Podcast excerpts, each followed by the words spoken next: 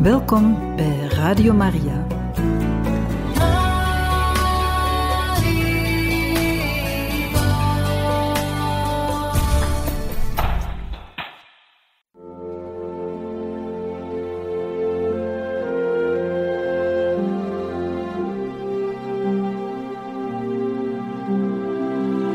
Beste luisteraars van Radio Maria, welkom bij het programma Catechismus. Een overweging bij de geloofschat van de kerk.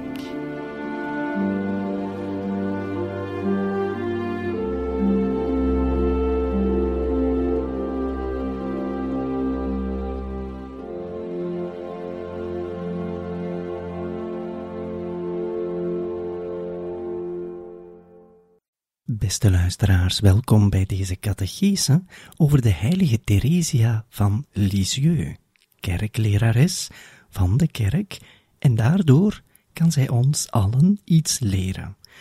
Dankzij haar meditatieve leven, dankzij haar leven verenigd met Jezus Christus, toont zij ons een zekere spiritualiteit aan.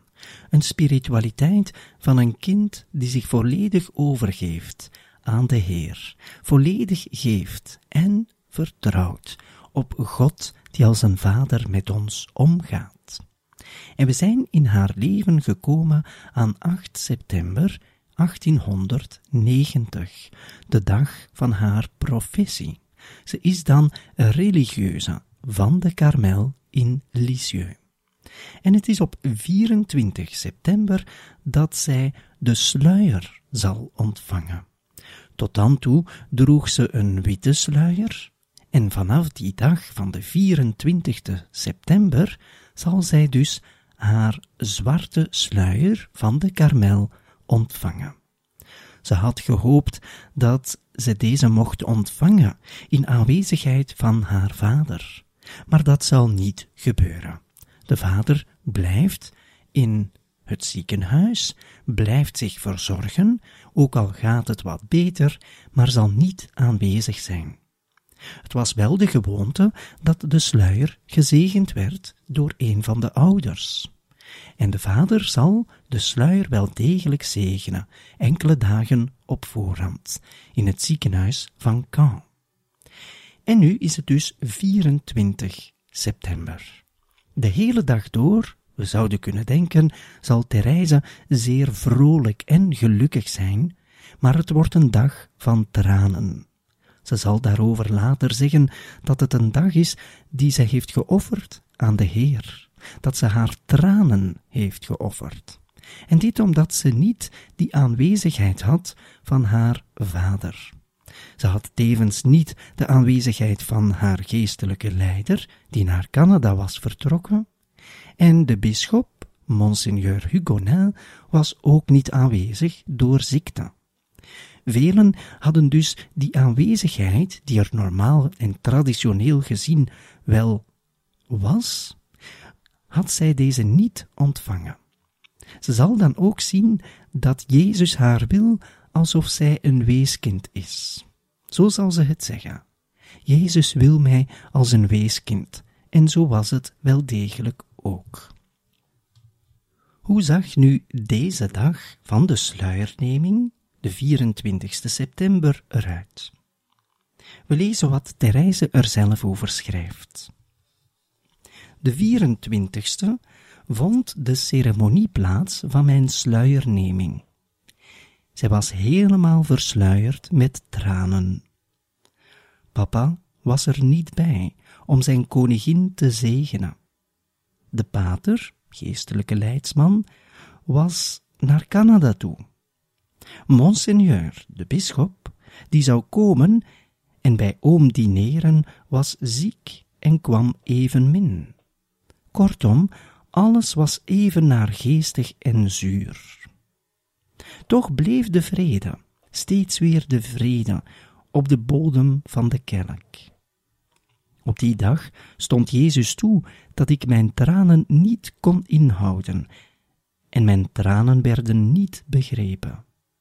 Inderdaad had ik veel grotere beproevingen doorstaan zonder te schreien, maar toen werd ik gedragen door een machtige genade. Op de 24ste was het juist andersom. Jezus liet mij over aan mijn eigen krachten en liet mij merken hoe onbetekenend die waren. Acht dagen na mijn sluierneming had het huwelijk van Jeanne plaats. Ik zou u onmogelijk hebben kunnen zeggen, lieve moeder, hoezeer haar voorbeeld mij deed inzien, hoeveel attenties een bruid moet hebben over en voor haar bruidegom. Ik luisterde leergierig naar alles wat ik erover kon horen, want ik wilde niet minder doen voor mijn welbeminde Jezus dan Jeanne voor Francis, die ongetwijfeld een heel volmaakte mens was, maar toch maar een schepsel. Ik vond het zelfs leuk om een huwelijksuitnodiging op te stellen en die te vergelijken met die van Jeanne. En zo geschiedde. Therese zal een huwelijksuitnodiging kopiëren en eigenlijk vertalen naar haar eigen situatie. En hierover moeten we het even hebben. Want dit is een evenement dat dus plaatsvindt een week na de sluierneming van Therese. Er is een huwelijk bij de familie Guérin. De familie Guérin is die familie van de moeder van Therese die vroegtijdig gestorven was. Een van de nichten van Therese, Jeanne, zal trouwen met een zekere Francis. Dat is de eerste maal dat er een huwelijk voorkomt in die familie van de Guérins en van de Martins sinds heel lang. De oudsten, en dat zijn dan bij de familie Martin Marie en Pauline, waren al langer in het klooster. Therese was nog zelf zeer jong, zestien jaar. De andere twee, nog thuis, Leonie en Céline, hebben ook wel een roeping. Gehuwd, wel, zullen zij allemaal niet worden. Maar bij de familie Guérin gebeurt dat wel. En zo zien we hoe Therese haar roeping durft vergelijken met een huwelijk, maar zelfs nog mooier maakt. Zoals Therese zelf zegt in haar autobiografie.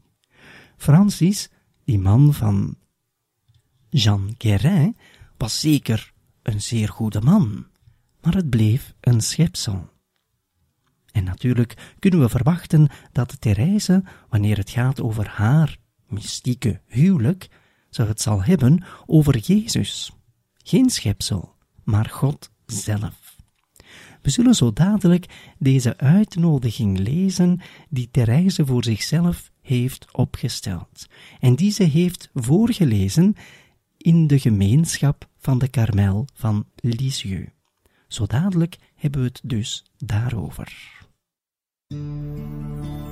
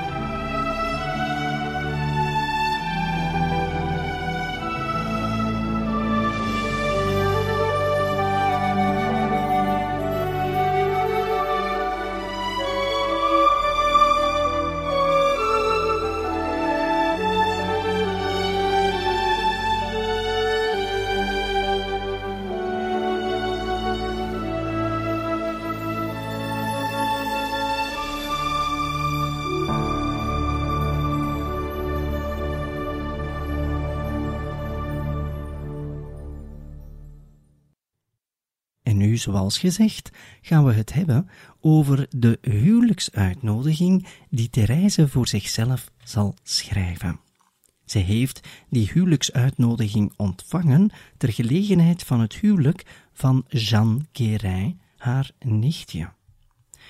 De dochter van de broer van de moeder van Therese, die reeds overleden is. En zij ontvangt zelf een verpaar, een uitnodiging voor het huwelijk, en zegt daarbij dat haar huwelijk met Jezus eigenlijk grootser is. Laten we nu even lezen hoe Therese deze uitnodiging had gemaakt en beschreven.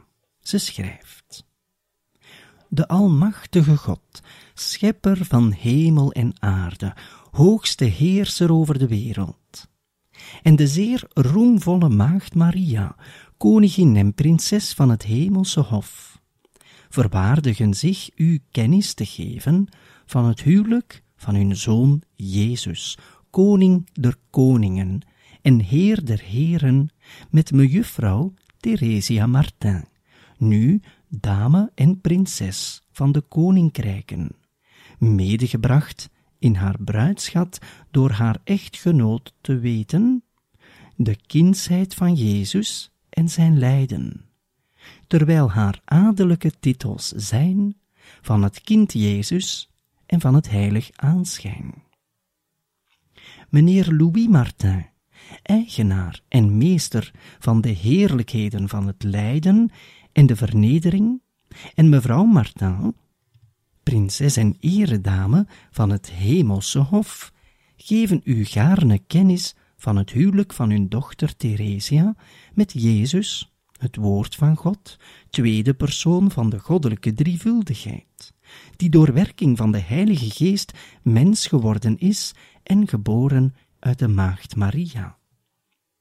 Daar wij u niet konden uitnodigen bij de huwelijksinzegening, die hun gegeven is op de berg van de Karmel, waar alleen het hemelse hof was toegelaten, wordt u niet te min verzocht u te begeven naar de terugkomst van de bruiloftstoet, die zal plaatsvinden morgen op de dag van de eeuwigheid, waarop Jezus, Zoon van God, zal komen op de wolken des hemels, om levenden en doden te oordelen. Daar het uur nog niet vaststaat, wordt u uitgenodigd om u gereed te houden en te waken. Zeer mooi geschrift, als ware het een geloofsbeleidenis.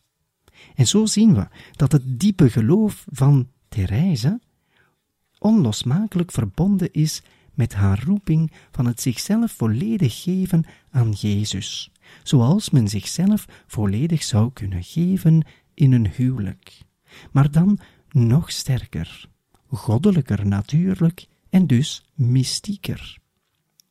Therese ziet haar roeping als een mystiek huwelijk met Jezus Christus. En dit is een spiritualiteit die belangrijk is, omdat ze eigenlijk geldt voor in ieder van ons, wat onze status in het leven ook mogen zijn. Wij worden allemaal geroepen om innig te leven met Jezus Christus. En die innigheid, die diepte, wel, die voor iedereen eigenlijk is weggelegd, kunnen we nu reeds proeven, hier op aarde. En Therese zal dat doen. En dat is dankzij het geloof dat men dat kan. Want zonder geloof leeft men echt als weeskinderen. Maar met het geloof weet men dat men nooit alleen is, ook al lijkt het zo. Denken we maar aan die sluierneming van Therese. Ze zal de hele dag vullen met haar tranen. Ze zal verwijten hierover ontvangen van haar zussen, medezusters in de Karmel. Ze zal verwijten ontvangen omdat dat eigenlijk niet hoort. De dag van de sluierneming moet ze gelukkig zijn. Maar Therese is zichzelf. Ze is nog heel gevoelig, ook al is ze daarvan enkele jaren geleden echt van genezen. Het blijft natuurlijk in haar karakter zitten. Herinneren we ons de dag van haar bekering, zoals ze het zelf zegt, op een zekere kerstmis. Dat zij s'avonds, normaal gezien zou moeten wenen, volgens de traditie, omdat ze zeer emotioneel is, maar dat niet doet en dat toeschrijft aan een speciale genade die ze heeft ontvangen van de Heer. Wel nu, zegt zij, we hebben het zo net gelezen, heeft ze die genade niet ontvangen. Jezus laat haar aan haar lot over. En als wij aan ons eigen lot zijn overgelaten, wel dan voelt men die eenzaamheid, dan voelt men die zwakte, ook Therese is geen supermens, is niet overbegenadigd, als we het zo kunnen stellen. Zij ontvangt de genaden die wij allemaal kunnen ontvangen. Maar zij gaat er met geloof mee overweg. En door dat geloof groeit zij in vertrouwen in Jezus Christus. En het mooie daarvan is, wel, dat is nu net in dat geschrift, in die soort van brief, die zij zelf heeft geschreven, die uitnodiging tot haar eigen huwelijk. Een huwelijk met Jezus Christus, waarvan zij weet dat dat voor de eeuwigheid is. En de uitnodiging voor in ieder van ons is om ons voor te bereiden op de terugkomst van de bruidegom, maar het uur staat nog niet vast. En dus worden we allen uitgenodigd om ons gereed te houden en te waken. Therese is zeer trouw aan het evangelie, is zeer trouw aan haar roeping. Zij wil alleen van Jezus zijn. En tegelijkertijd verheugt zij zich voor het geluk van haar nicht Jeanne, die dus zal huwen op 1 oktober 1890. En die dag zal zij in gebed doorbrengen voor Jeanne en voor Francis, haar toekomstige. Zo dadelijk lezen we even verder uit de autobiografie van de heilige Therese over de dagen na haar sluierneming. Die dagen die gewoon gevuld zullen zijn met het leven zoals het is in de Karmel van Lisieux.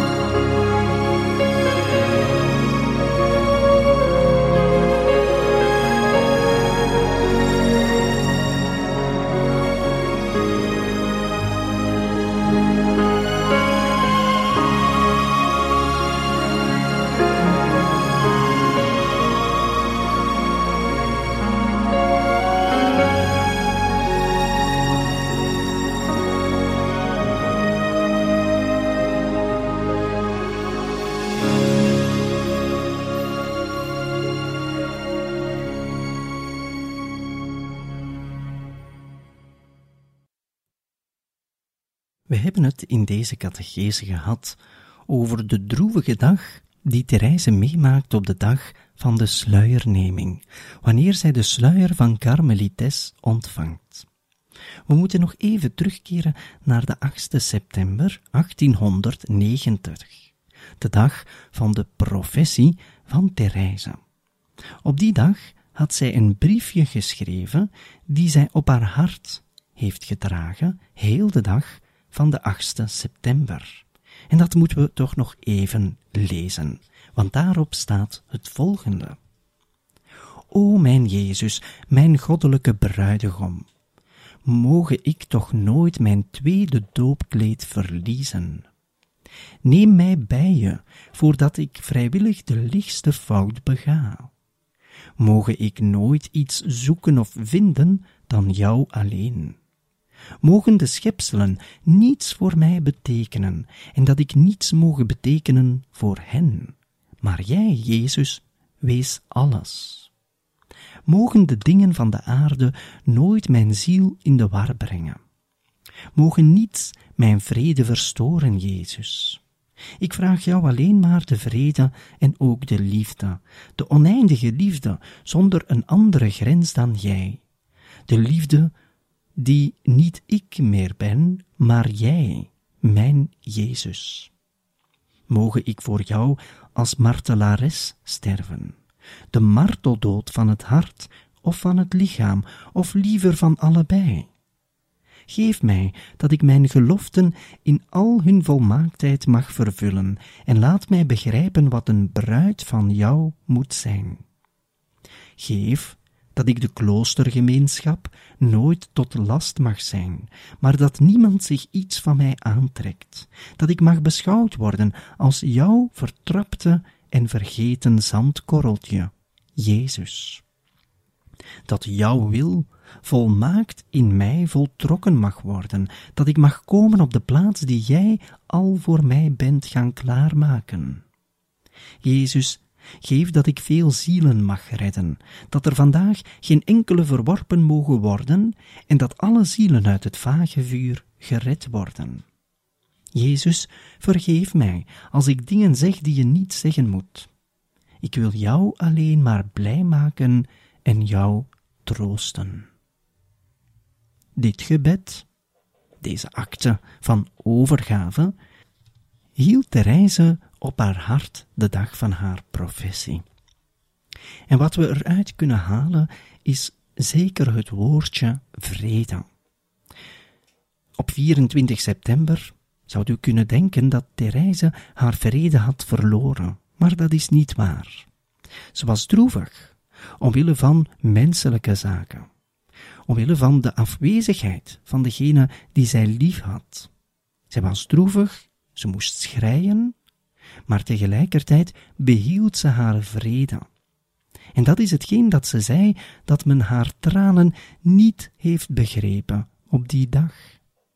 Men dacht dat Therese haar vrede verloren was. Maar die vrede had ze. En die vrede komt alleen van Jezus, in het diepste van het hart. Dagelijks in de Eucharistie horen we het en vragen we het aan God: geef ons uw vrede. Niet de vrede van mensen, maar de vrede van God. En de vrede van mensen zal pas echte vrede zijn als de mensen gezamenlijk die van God verwachten. De ware vrede bevindt zich dus niet hier op de aarde, maar kan wel op aarde komen als de mensheid die vrede zoekt in de hemel.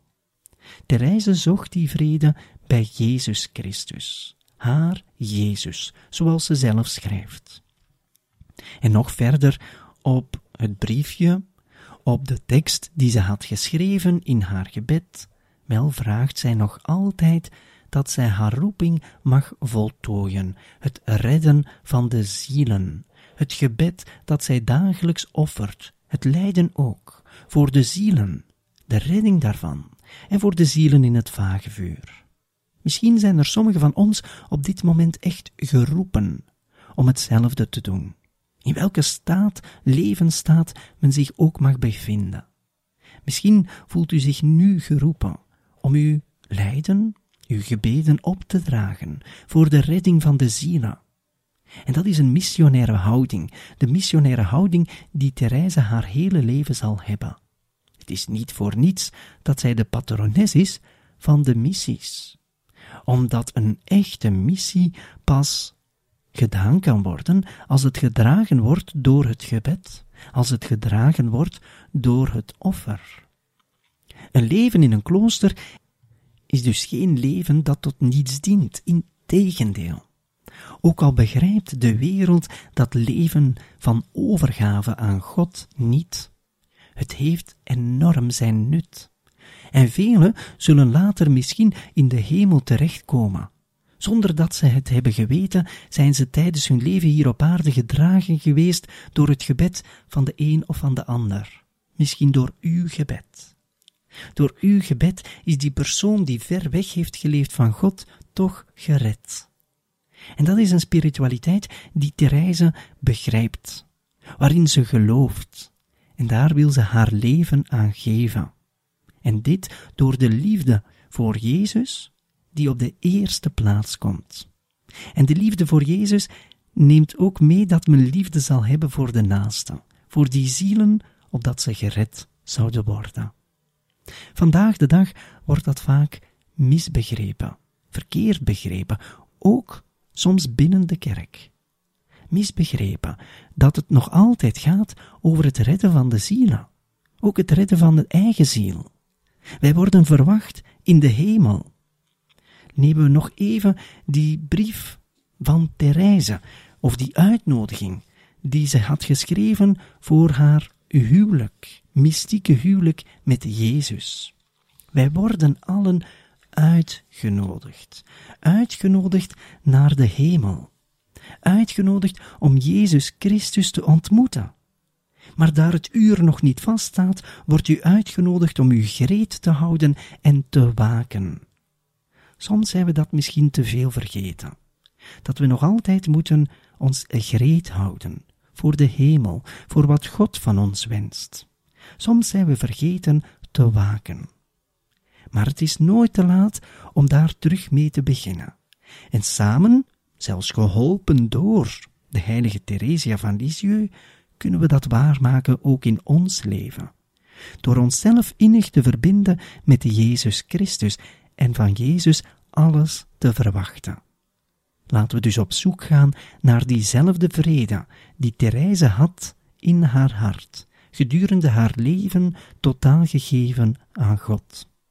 Laten wij op zoek gaan naar die liefde voor God door heel intens met het eenvoudige van het leven om te gaan met Jezus Christus. Altijd Jezus Christus betrekken in het kleinste van ons leven. En dat is die kinderlijke spiritualiteit die Therese ons meegeeft. Mogen het ons inspireren om zelf meer bewust te leven als kind van God.